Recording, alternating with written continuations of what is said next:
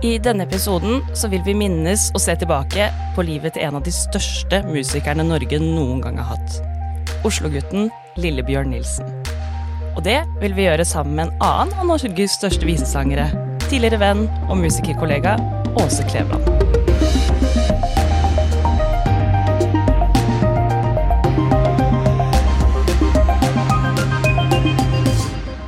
Velkommen til Oslopodden, din ukentlige nyhetspodkast fra lokalavisen Vårt Oslo, som er vår arbeidsplass, Vegard. Velkommen til alle som hører på. Jeg heter Oda, og sammen så går vi nærmere inn på én nyhetssak fra bybildet den siste uka. Og i denne episoden her så vil vi minnes Lillebjørn Nilsen, som er virkelig en av de største musikerne Norge noen gang har hatt. Um, Lillebjørn han har jo sunget om Oslo og bodd i Oslo hele livet, og jeg tror at han har hatt en enorm innvirkning på veldig manges liv, og alle, alle har et forhold til Lillebjørn på en eller annen måte. Enten fra barndom eller voksenliv eller et eller annet. Jeg tror han henger med veldig, veldig mange, både i Oslo, men også i Norge generelt. Ja, også jeg husker jo Lillebjørn har egentlig vært med meg hele livet. Jeg husker han tror jeg fra første gang i musikkundervisningen på Mm. barneskolen, hvor vi sang Alle duene. Ja, ja, Eh, Det var jo en av de sangene som jeg husker veldig godt. Mm. Alle duene. Alle duene. Bare for å minne, minne folk på hvilken sang det var. ja. Um, og så har han liksom alltid vært der, eh, i bakgrunnen, eh, som en referanse. Eh, vært på TV, vært på radioen. Eh, barna har sunget han, osv. Så sånn at han har vært der, og ikke minst så, så ble han jo en veldig samlende personlighet eh, i forbindelse med terrorangrepet 22.7 eller 22. juli. Mm. Så da eh, ble jo han en veldig viktig personlighet. Han, han ble jo trukket fram som en Oslo-sanger, så, Mm. så det var jo veldig stort. Mm. Jeg også husker uh, Lillebjørn Nilsen veldig godt fra barndommen, egentlig. Mamma spilte gitar da jeg var liten, og det var mye venner på besøk og satt og klimpra på gitaren og spilte og alt sånt. Så da sang vi mye hjemme, og da var det tanta til Beate, husker jeg godt, og stilleste gutt på sovesalen, og så har vi sunget mye. Um, så nå har jeg hørt mye enda mer på Lillebjørn nå etter at han døde, og det er veldig mange barndomsminner, gode barndomsminner som kommer tilbake da. Mm. Og også på barneskolen hvor alle synger uh, Barna Regnbuen. Og så husker jeg, tror jeg plaga mamma i hjel med Haba Haba da jeg var liten. Altså jeg sang den så mye at jeg tror hun var drittlei på et eller annet tidspunkt. Men for meg også så tror jeg kanskje ikke jeg har skjønt hvor stor han egentlig var før nå. Når jeg har sett tilbake og sett på den dokumentaren om hans stilleste gutt på NRK, som er kjempefin. Og eh, det mener jeg virkelig. Jeg er blitt rørt til tårer de siste dagene, for jeg syns det, det er en enorm mann som har gått bort. Jeg har også sett eh, den eh, en gang til. Jeg har sett den en gang før også. Og det er en veldig fin dokumentar med mye av musikken hans, og man ser livet hans. Han sier jo også selv i den dokumentaren at når han ser tilbake på sin egen musikk, så sier Lillebjørn at det er som å skildre et liv retrospektivt. Eh, så han på en måte sanghistorikken hans Mm. er på en måte et liv eh, med sang. Eh, så det å gjenhøre mye av sangen hans har vært veldig fint. Men jeg har lyst til å også si noe om det som du nevnte der, om at han har vært en Oslo-sanger. Han eh, var jo født eh, jeg vet ikke akkurat på hvilket sykehus, men han vokste i hvert fall opp fra tidlig rundt Alexander Kiellands plass eh, på Ila. Eh, vokste opp der i en murgård, som han også synger om. Og han synger jo at en, en eh, gategutt er ikke født i går, eh, synger han i den sangen. Um, og han eh, bodde, vokste, flytta jo tilbake dit, eh, i, i i, Maridalsveien, eh, Mm. på Sagene, ikke langt fra Alexander Kiellands plass, så han, han tilbrakte et helt, helt liv der. Og eh, han har jo sunget flere sanger. Jeg tenker på en som heter Elisabeth, om eh, veien hjem fra Klubbsju, eh, og, og hans kjære Elisabeth, da, eh, som han, han gjerne vil hjem til. Eh, men også eh, selvsagt eh, God natt, kjære Oslo. Eh, og strofen Min by, du ligger der rastløs selv om dagen din er over. Av meg skal du få en vuggesang, God natt, kjære Oslo, eh, Mm. som jo også var en sang som han selv satte pris på. Eh, han eh, sier jo selv at han kanskje er litt nostalgisk av natur, da, eh, og setter pris på de sangene som ikke bare er positive og hyggelige. Mm. Det er sant. Jeg tror en av mine favoritt-Lillebjørn-låter er Bysommer. Jeg syns den tar Oslo så på kornet på hvordan det er på sommeren. Altså sånn, Nå skal jeg ta bare lese noen strofer fra Bysommer. Kan du noen steder bedre ha det enn i Oslo nå på sommeren når de stressa folka alle er forsvunnet til Mallorca eller sitter i en ferjekø ved Lavik? Og det er akkurat sånn det er i Oslo når alle er på ferie og du har byen litt for deg sjæl, og kan gå rundt, vet ikke helt hva som venter dagen, kanskje sitter du på kroa og tar en pils med noe kald makrell i magen, eller kanskje farter du rundt, eller kanskje slapper du av på verandaen, for det er så innmari varmt ute. Og jeg syns til og med sånn, jeg synes melodien er veldig fin også, og det, det, rytmen mm. i selve låta er litt sånn hvordan jeg er i Oslo på sommeren. Mm. Litt sånn her og der, det går framover, men også litt sånn tilbakelent og fint. Mm. Jeg mm. syns den er eh, ordentlig, ordentlig bra. Eh, en ting som rørte meg litt, var eh, Steinar Ofsdal, eh, medmusiker Steinar Ofsdal sin tale i begravelsen fra rådhuset. Eh, hvor han litt nesten moralistisk anklager Lillebjørn for at skulle ikke du leve evig, slik som musikken din skal? Mm. Det minner meg også på Lillebjørn selv, som fortalte om sin mor, som drev et silketrykkeri i Oslo sentrum, og som har malt bilder av faren og familien og andre ting og peker på disse bildene eh, i Stilleste gutt-dokumentaren eh, på NRK og sier at, men, eh, at hun fortsetter å leve gjennom kunsten sin. Mm. Eh, og det gjør jo også Lillebjørn, selvsagt. Sånn som Steinar peker på, så fortsetter jo Lillebjørn å leve gjennom kunsten sin.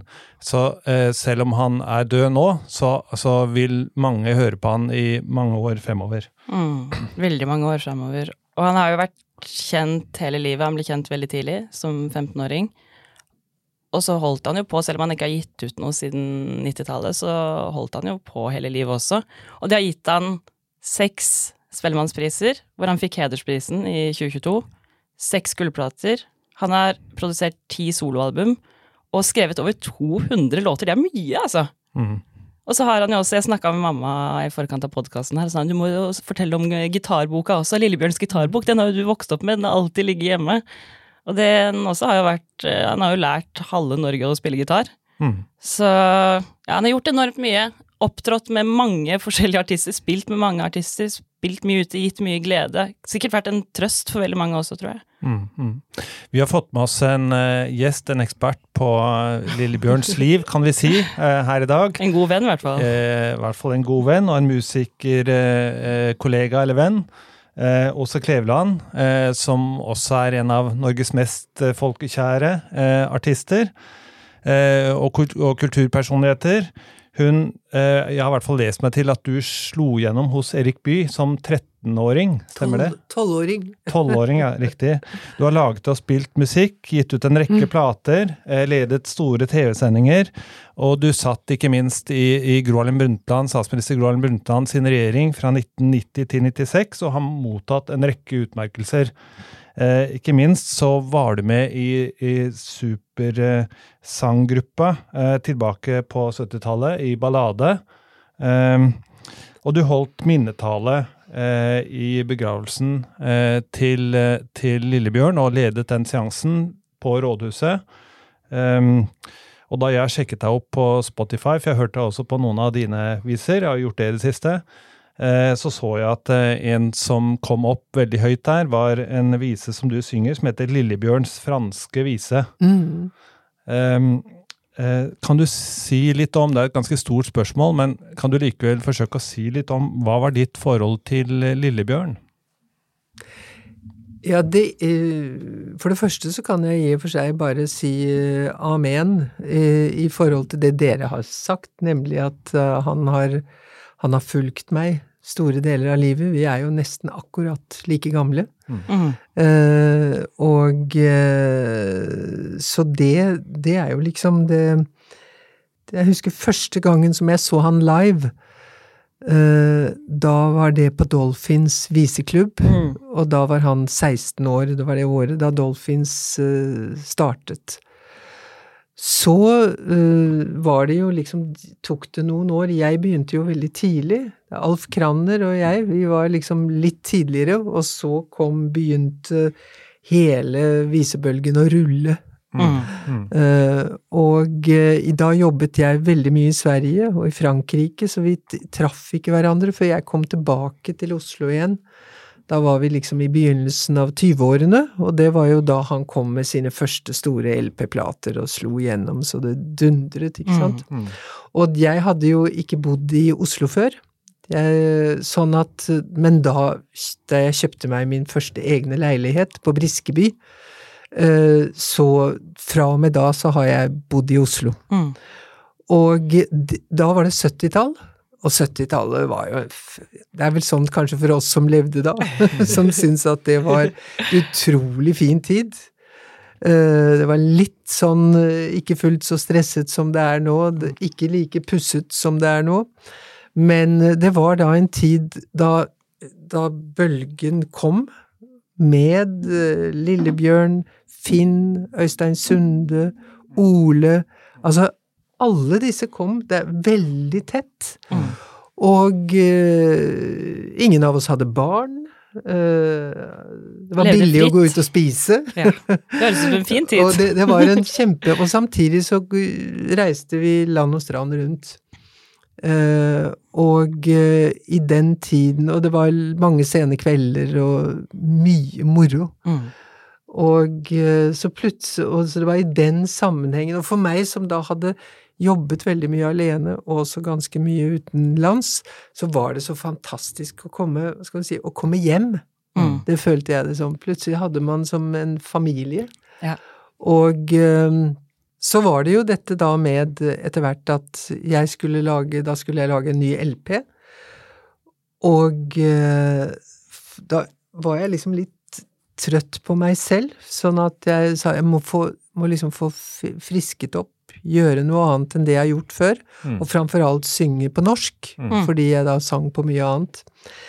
Eh, og da sa Øystein Sunde, av alle, ja til å produsere. Yeah.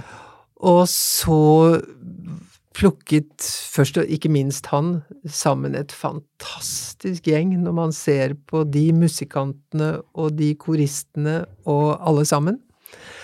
Og eh, det ble jo da laget forskjellige plater. Ole skrev mens vi var i studio fire låter som er på den. eh, Mm. og, men altså, der var jo også selvfølgelig Lillebjørn Ja. en veldig viktig del av det.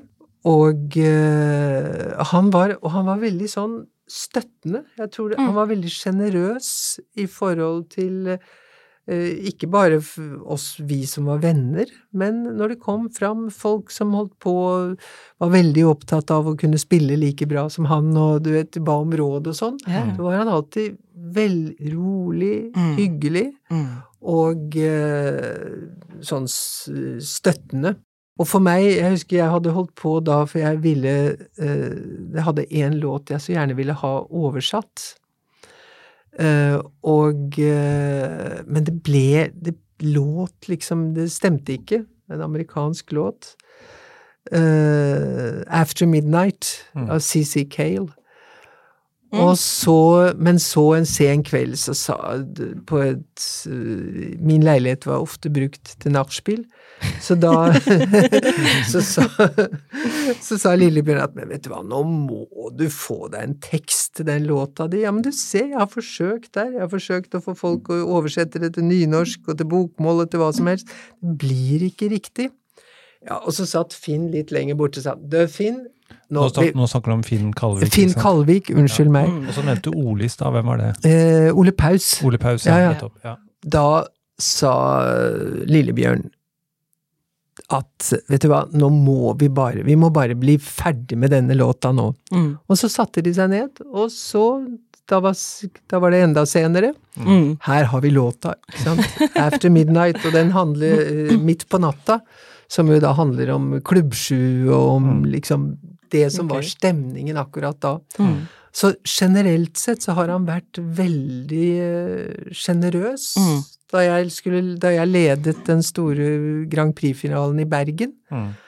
så fant vi ut at egentlig Dette var to dager før vi skulle på lufta, og da var det sånn at eh, at um, vi fant ut at jeg burde egentlig synge noen strofer til den når KORK uh, liksom uh, kom med den der fantastiske Eurovisjonsåpningen. Uh, Gjennom KORK, det oversett, kan vi oversette til Kringkastingsorkesteret? Ja, jeg trodde at det, var, at det nå var men, men det er riktig.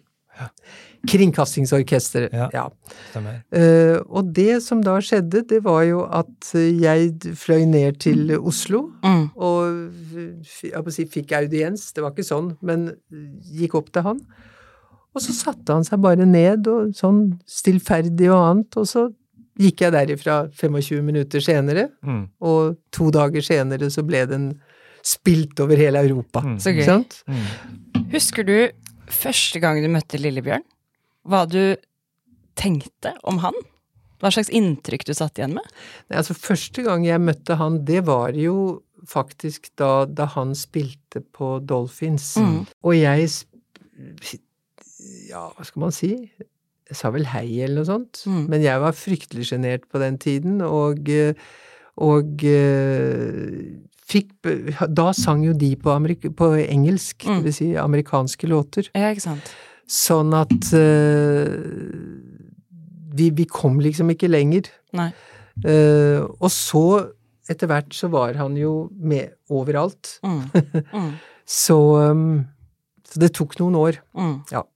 Mm. Jeg har lyst til å lese en strofe for deg. Kjøpe flere stygge biler, bygger vei med ørten filer, nei, dra med Krøderbanen, se ja, ja. bilene som sitter fast i køen. Hva tenker du på da? Ballade. Ballade, det var jo liksom Det var jo også en sånn sent på kvelden eh, bestemt eh, sak, fordi da, da var Birgitte uh, Birgitte Grimstad var jo også med, og der. Og da satt Lars Klevstrand og Birgitte og Lillebjørn og jeg klemt ned i en i en uh, trang, litt slitt skinnsofa som vi hadde kjøpt forres, forresten på Sveigårds gate, mm. som du nevnte her. Ja. og, og, var litt sånn sutrete, sånn åh, fy fader, vi er Nå har vi altså Det er ganske kjipt å å være så alene som man er. Mm. Som musiker? Som musiker, og særlig som visesanger. Mm. For du, på den tiden så hadde man ikke med seg band. Man, og som man sa, vi, vi eh, øver alene. Vi reiser alene. Spiller alene. Mm. Sitter ofte på hotellet etterpå. Mm.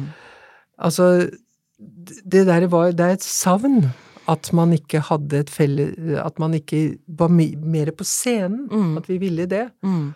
Og da endte den kvelden med at vi var enige om at ja, vi må jo Det er først og fremst solister vi er. Men vi, nå skal vi lage to konserter. Og de konsertene Og da skal vi bare finne akkurat de låtene vi liker aller best. Mm. Og mange av de ville da være utenlandske.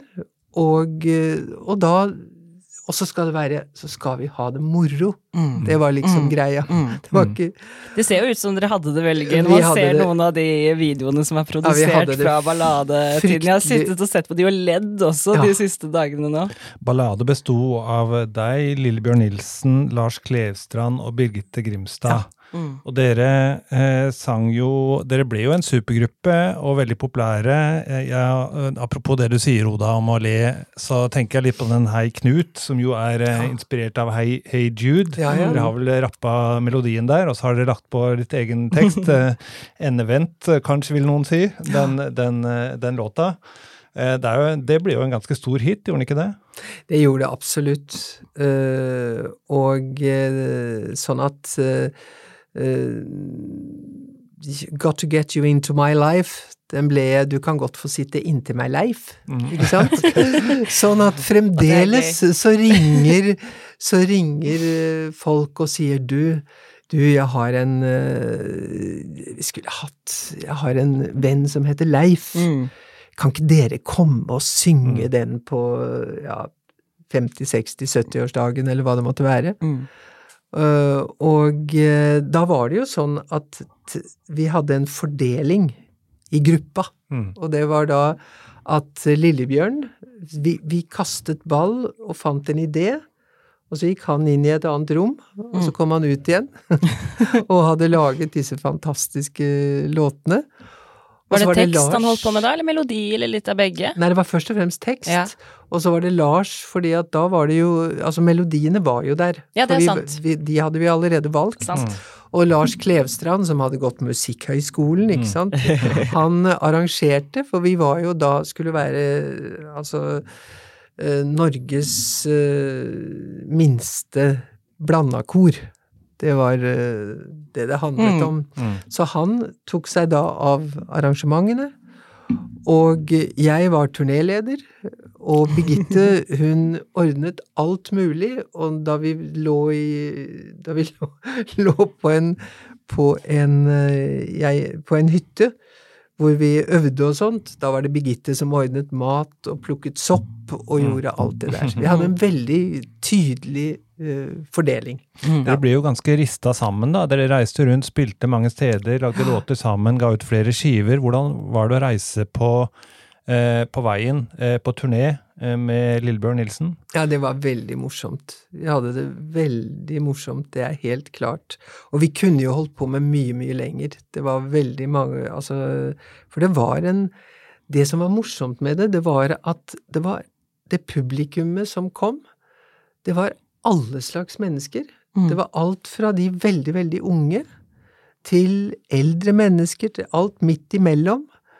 Noen med skjegg og noen uten, ikke sant? Mm. Og det, og det er en helt spesiell opplevelse i seg selv. Mm. Å stå på en scene Mm. og gjøre noe for det første som folk ler av og syns er morsomt, men framfor alt også ha mennesker av alle sorter. Du har følelsen av at du har liksom tatt en bit av samfunnet ut og satt i salen. Hvorfor tror du at du og Lillebrødren ble så gode venner utover det å være mus musikerkolleger også? Ja, altså nå, nå må det sies at øh, det er jo sånn at øh, livet er forskjellig i forskjellige øh, til forskjellige tider. Mm. Og øh, han var jo den som hele tiden var holdt på med sin musikk og sine tekster og alt dette her, mer eller mindre. Mens jeg har jo da stort sett i livet holdt på med veldig mye annet også. Mm. Og det sier seg selv at hvis man er i en helt annen bransje, kanskje bor på et annet sted, Mm. så har man ikke så mye kontakt. Neida. Men Men i den Liksom- perioden dere var sammen, hva var Men- det som gjorde at det var et vennskap utover bare å være kolleger? jo, man har så mye til felles. Mm. Og, øh, og så så jeg, tror jeg den derre lysten man Altså det, bare det i seg selv at fy søren, nå, nå øh, Dette her, det har vi ikke gjort før. Og det er så moro. Mm. Og så får du den responsen samtidig. Mm. Det er, øh, det er en skatt Mm. å få det. Mm. Mm. Jeg hengte meg litt opp i en eh, beskrivelse som Lillebjørn selv eh, har av seg selv, eh, og så- som han sier er, er litt typisk. Han sier at han ofte er litt, har vært litt nedfor, litt trist, Mm. eh, og at eh, han også snakket med moren sin og, Mm. om dette her. Så sa hun til han at nei, men det er jo ikke noe rart, du er jo kunstner, som meg.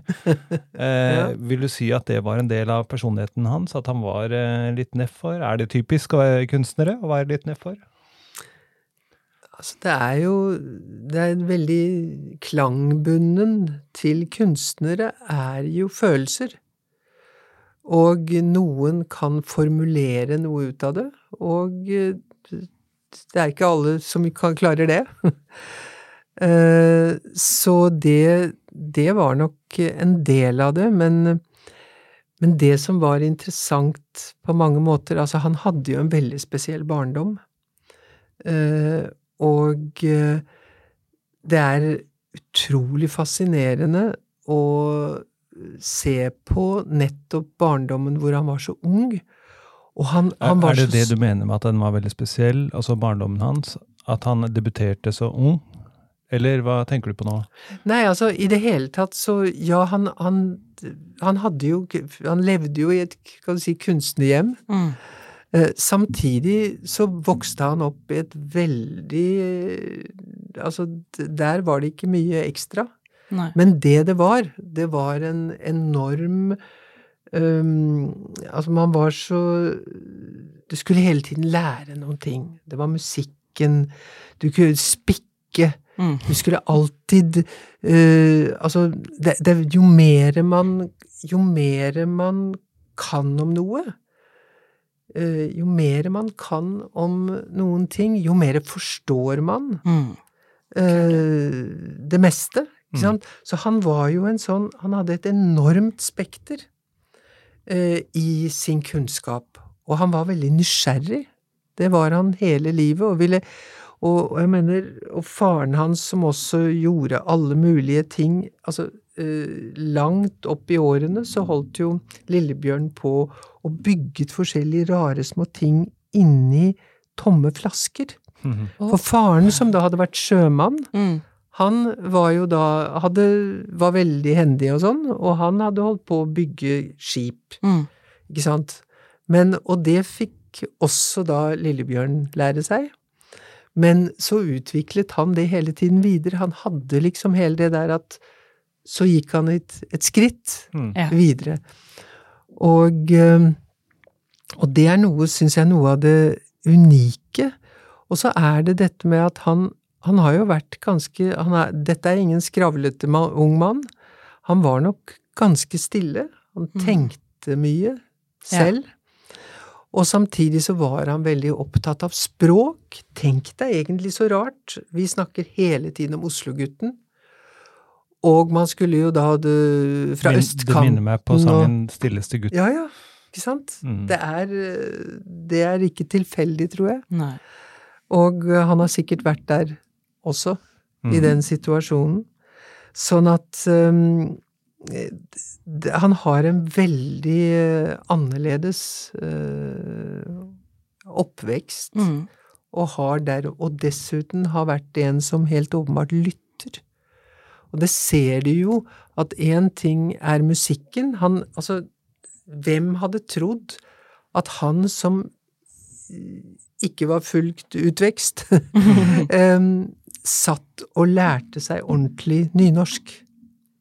Fordi han allerede tidlig, altså egentlig så syns han at nynorsk, det var et mye vakrere og et mye renere og et, og et eh, norsk språk som passet mye bedre til sang. Mm. Og det er jo helt riktig, Ja. ikke sant? Eh, og, og alle disse tingene hadde han tenkt på, og han var enormt på det eh, han, han sugde til seg eh, alle mulige slags, kan du si, lærdom. Mm.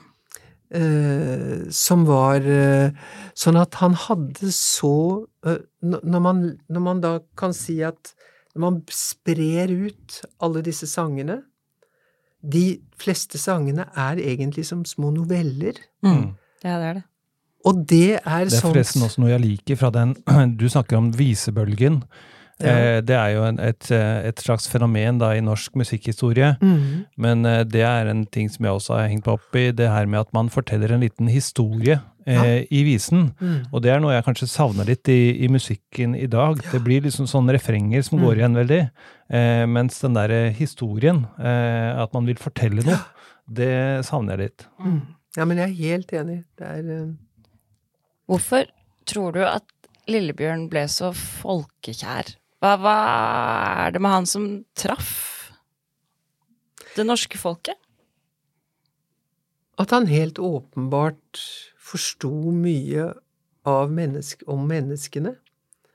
At det var en varme i det han øh, Og det var, det var både veldig lekent, jeg mener en del av det, og ikke minst det som ungene syns er fantastisk, men, men du har det spennet som er så stort. Mm. Fra Haba Haba Ja. til alt mulig annet. Ja. Og samtidig så, hvis du tar Stilleste gutt, det er jo en utrolig var og fin låt, men det er aldri sentimentalt. Mm. Aldri, Nei. ikke sant? Og når du ser også han, han hadde så mange talenter, og noe av det gikk jo på at når så mange i dag kjenner hans øh, sanger, så er det jo også fordi han helt systematisk, parallelt med at han skrev og laget øh, forskjellige ting, så var det jo han som i stor grad produserte de visebøkene som liksom kom jevnlig. Han samlet dem, Mm. han var med å tegne noe av det, Mm. ikke sant? var med å gjøre det, fikk det ut, og det er Mm. klart det gjør noe helt annet når det ligger en eh, Lillebjørns visebok omtrent i annethvert hus. Ja. Så det er jo en fantastisk måte å spre eh, spre budskapet. Mm. Og apropos det du sier om eh, folkekjær der, så kan vi ikke komme forbi eh, 22. juli og terrorangrepet. Nei. Som jo også selvsagt bidro til å gjøre han enda mer folkekjær. Mm. Fordi han var en veldig samlende kraft. Sang 'Barn av regnbuen', eh, som også er en eh, antirasistisk sang, oversatt eh, fra Pete Seeger, eh, som, som hadde laget den, den låten. 'My Rainbow Race'. Eh, så kan du si litt om eh, hvordan var det for deg å se han i, i forbindelse med 22. juli? Var du der på Youngstorget? Nei, jeg var dessverre da på jobb i Sverige. Mm. Dessverre. Men eh, hvordan var det å se han eh, fra ditt ståsted eh, den dagen? Ja, altså Jeg var da ikke der, og det er jeg fryktelig lei for. Men det man kan se, det er hvilken betydning det hadde Mm. for både små og store, og selv de som ikke var der, men som fikk det på fjernsyn og nyheter og i det hele tatt. Og det du kan se der som er veldig interessant, det er jo da den Det, det ligger en Det er en ro omkring Lillebjørn. Han sier jo selv at han, han fant ut at hans rolle var å trøste folk. Ja. Mm. Ja. Og det tror jeg i stor grad også han gjorde. Det tror jeg Tror også. jeg også. Mm. Hva tenker du at vi sitter igjen med nå, etter Lillebjørn? Hans arv? Vi sitter igjen med en Altså, det han har gjort, er jo å gi oss et bidrag som både er helt spesielt rent sånn litterært, altså når det gjelder språket, når det gjelder historiene, alt dette. På den andre siden er det, er det veldig unike eh, melodier. Så har han dessuten vært en fremragende instrumentalist. Mm. Eh, og grunnen til det, det er at han var et arbeidsjern. Mm. Når han bestemte seg for, når han liksom kom over et eh, Det kan være Komme fra helt andre kanter. Et eh, En eller annen form for instrument. Da bare satte han seg ned, så øvde han, øvde, øvde, øvde. Mm. Så, kunne, så hadde han liksom samlet det. Og det er, det er like mye kombinasjonen av at han har liksom alle dimensjonene som skal til for å få for Ofte er det jo én som lager det ene, én som lager det andre, det Mm. henger litt sammen, men han har helheten. Mm. Og pluss at hvis man tenker på tekstene og innholdet, så så er det ganske tidløst. Altså, det er noen ting som jeg tror kan treffe mennesker eh, om veldig mange år, Mm. og det samtidig så vil man oppfatte det Mm. som om det, det tilhører også. også i en fremtidig Mm. tid. Mm. Det tror jeg også. Litt sånn som du sa i stad, så at han er så folkekjær fordi han skjønte folk. Ja, Mm. nettopp. Har du selv en favorittsang? Eller vil du trekke fram en sang? Det syns jeg, jeg er så vanskelig, uh, fordi de er så forskjellige, og fordi man spiller det ofte litt sånn ettersom akkurat i dag så vil jeg høre den. Men det ene som jeg syns er eh, en sang som jeg synger også mye selv, ikke minst også hva enten det er eh, ja, i alle mulige sammenhenger, og det er denne lille, korte sangen, som er eh, da laget Som i, i utgangspunktet er en tradisjonell eh, sang, melodi, eh, og det er Danse, ikke gråte nå. Mm. Og det syns jeg er en sånn fantastisk historie. Dette at eh, da gikk han jo fremdeles på folkeskolen, og de skulle skrive eh, De skulle skrive en stil. Og så skulle de Og da skulle de ta, ta og forsøke å beskrive hva som lå bak dette her. Og han lette og lette etter det, dette diktet som alle skulle hente, og han syntes ikke han fant noe. Så da skrev han et dikt selv, som han satte til en melodi, og eh, og det å tenke seg at en 13-14-åring på Ila skole Mm. skrev dette, det er noe Det er noe Det er nesten skummelt å tenke på. Mm. Syns du har Ja. veldig fine siste ord, eh, og veldig passende sang å trekke fram på slutten her, fordi eh, han sier jo der at denne jorda skal bli din grav. Eh, Mhm. Danse, ikke gråte nå. Mm. Tusen takk for at du kom til Oslopodden, Åse Kleveland. Tusen takk for at jeg fikk komme. Vi er tilbake med en ny episode neste torsdag. Og hvis du vil eh, få et lite pling på telefonen når vi har en ny episode ute, så må du gjerne abonnere på oss i podcast-appen. Vi snakkes! Du har hørt en podkast fra Vårt Oslo. Hør flere podkaster på vartoslo.no skråstrek podkast. Hvordan er det egentlig å selge sex? Hva er fordelene og ulempene ved sexsalget? Hvem er det egentlig som kan representere sexarbeidere? Og hvorfor er sexarbeid egentlig så provoserende? Vi er to menn som begge har erfaring med sexarbeid, og i podkasten Menn som selger sex vil vi snakke om nettopp dette. Hør første episode tirsdag 9. januar, der du hører på podkast.